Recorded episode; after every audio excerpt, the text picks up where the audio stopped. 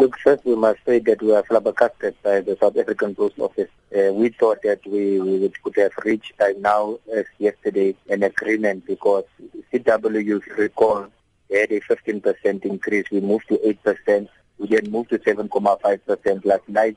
Yesterday we moved to 7%.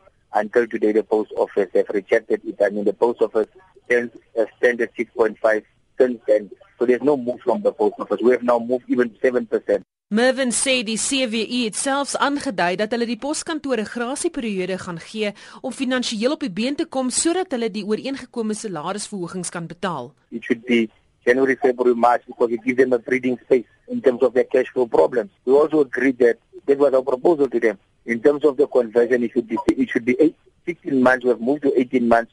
We've even said that we are prepared to move to 20 months. And around the 588, we even told them that what they should do is to is to uh, remove them from the entrance and put them as a rebel salary.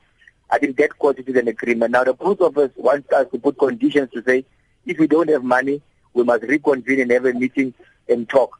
But uh, for us, you must because if you do that, we are going to reopen another strike. Hy beweer verder dat teenstrydig met die poskantoor se inligting nog nie meer as 50% van die werknemers ingestem het tot 'n salarisooreenkoms nie. And I think we want to clarify something to the administrator. The administrator which is uh, Mr. Lushuba this morning said that the two unions constitute 50%.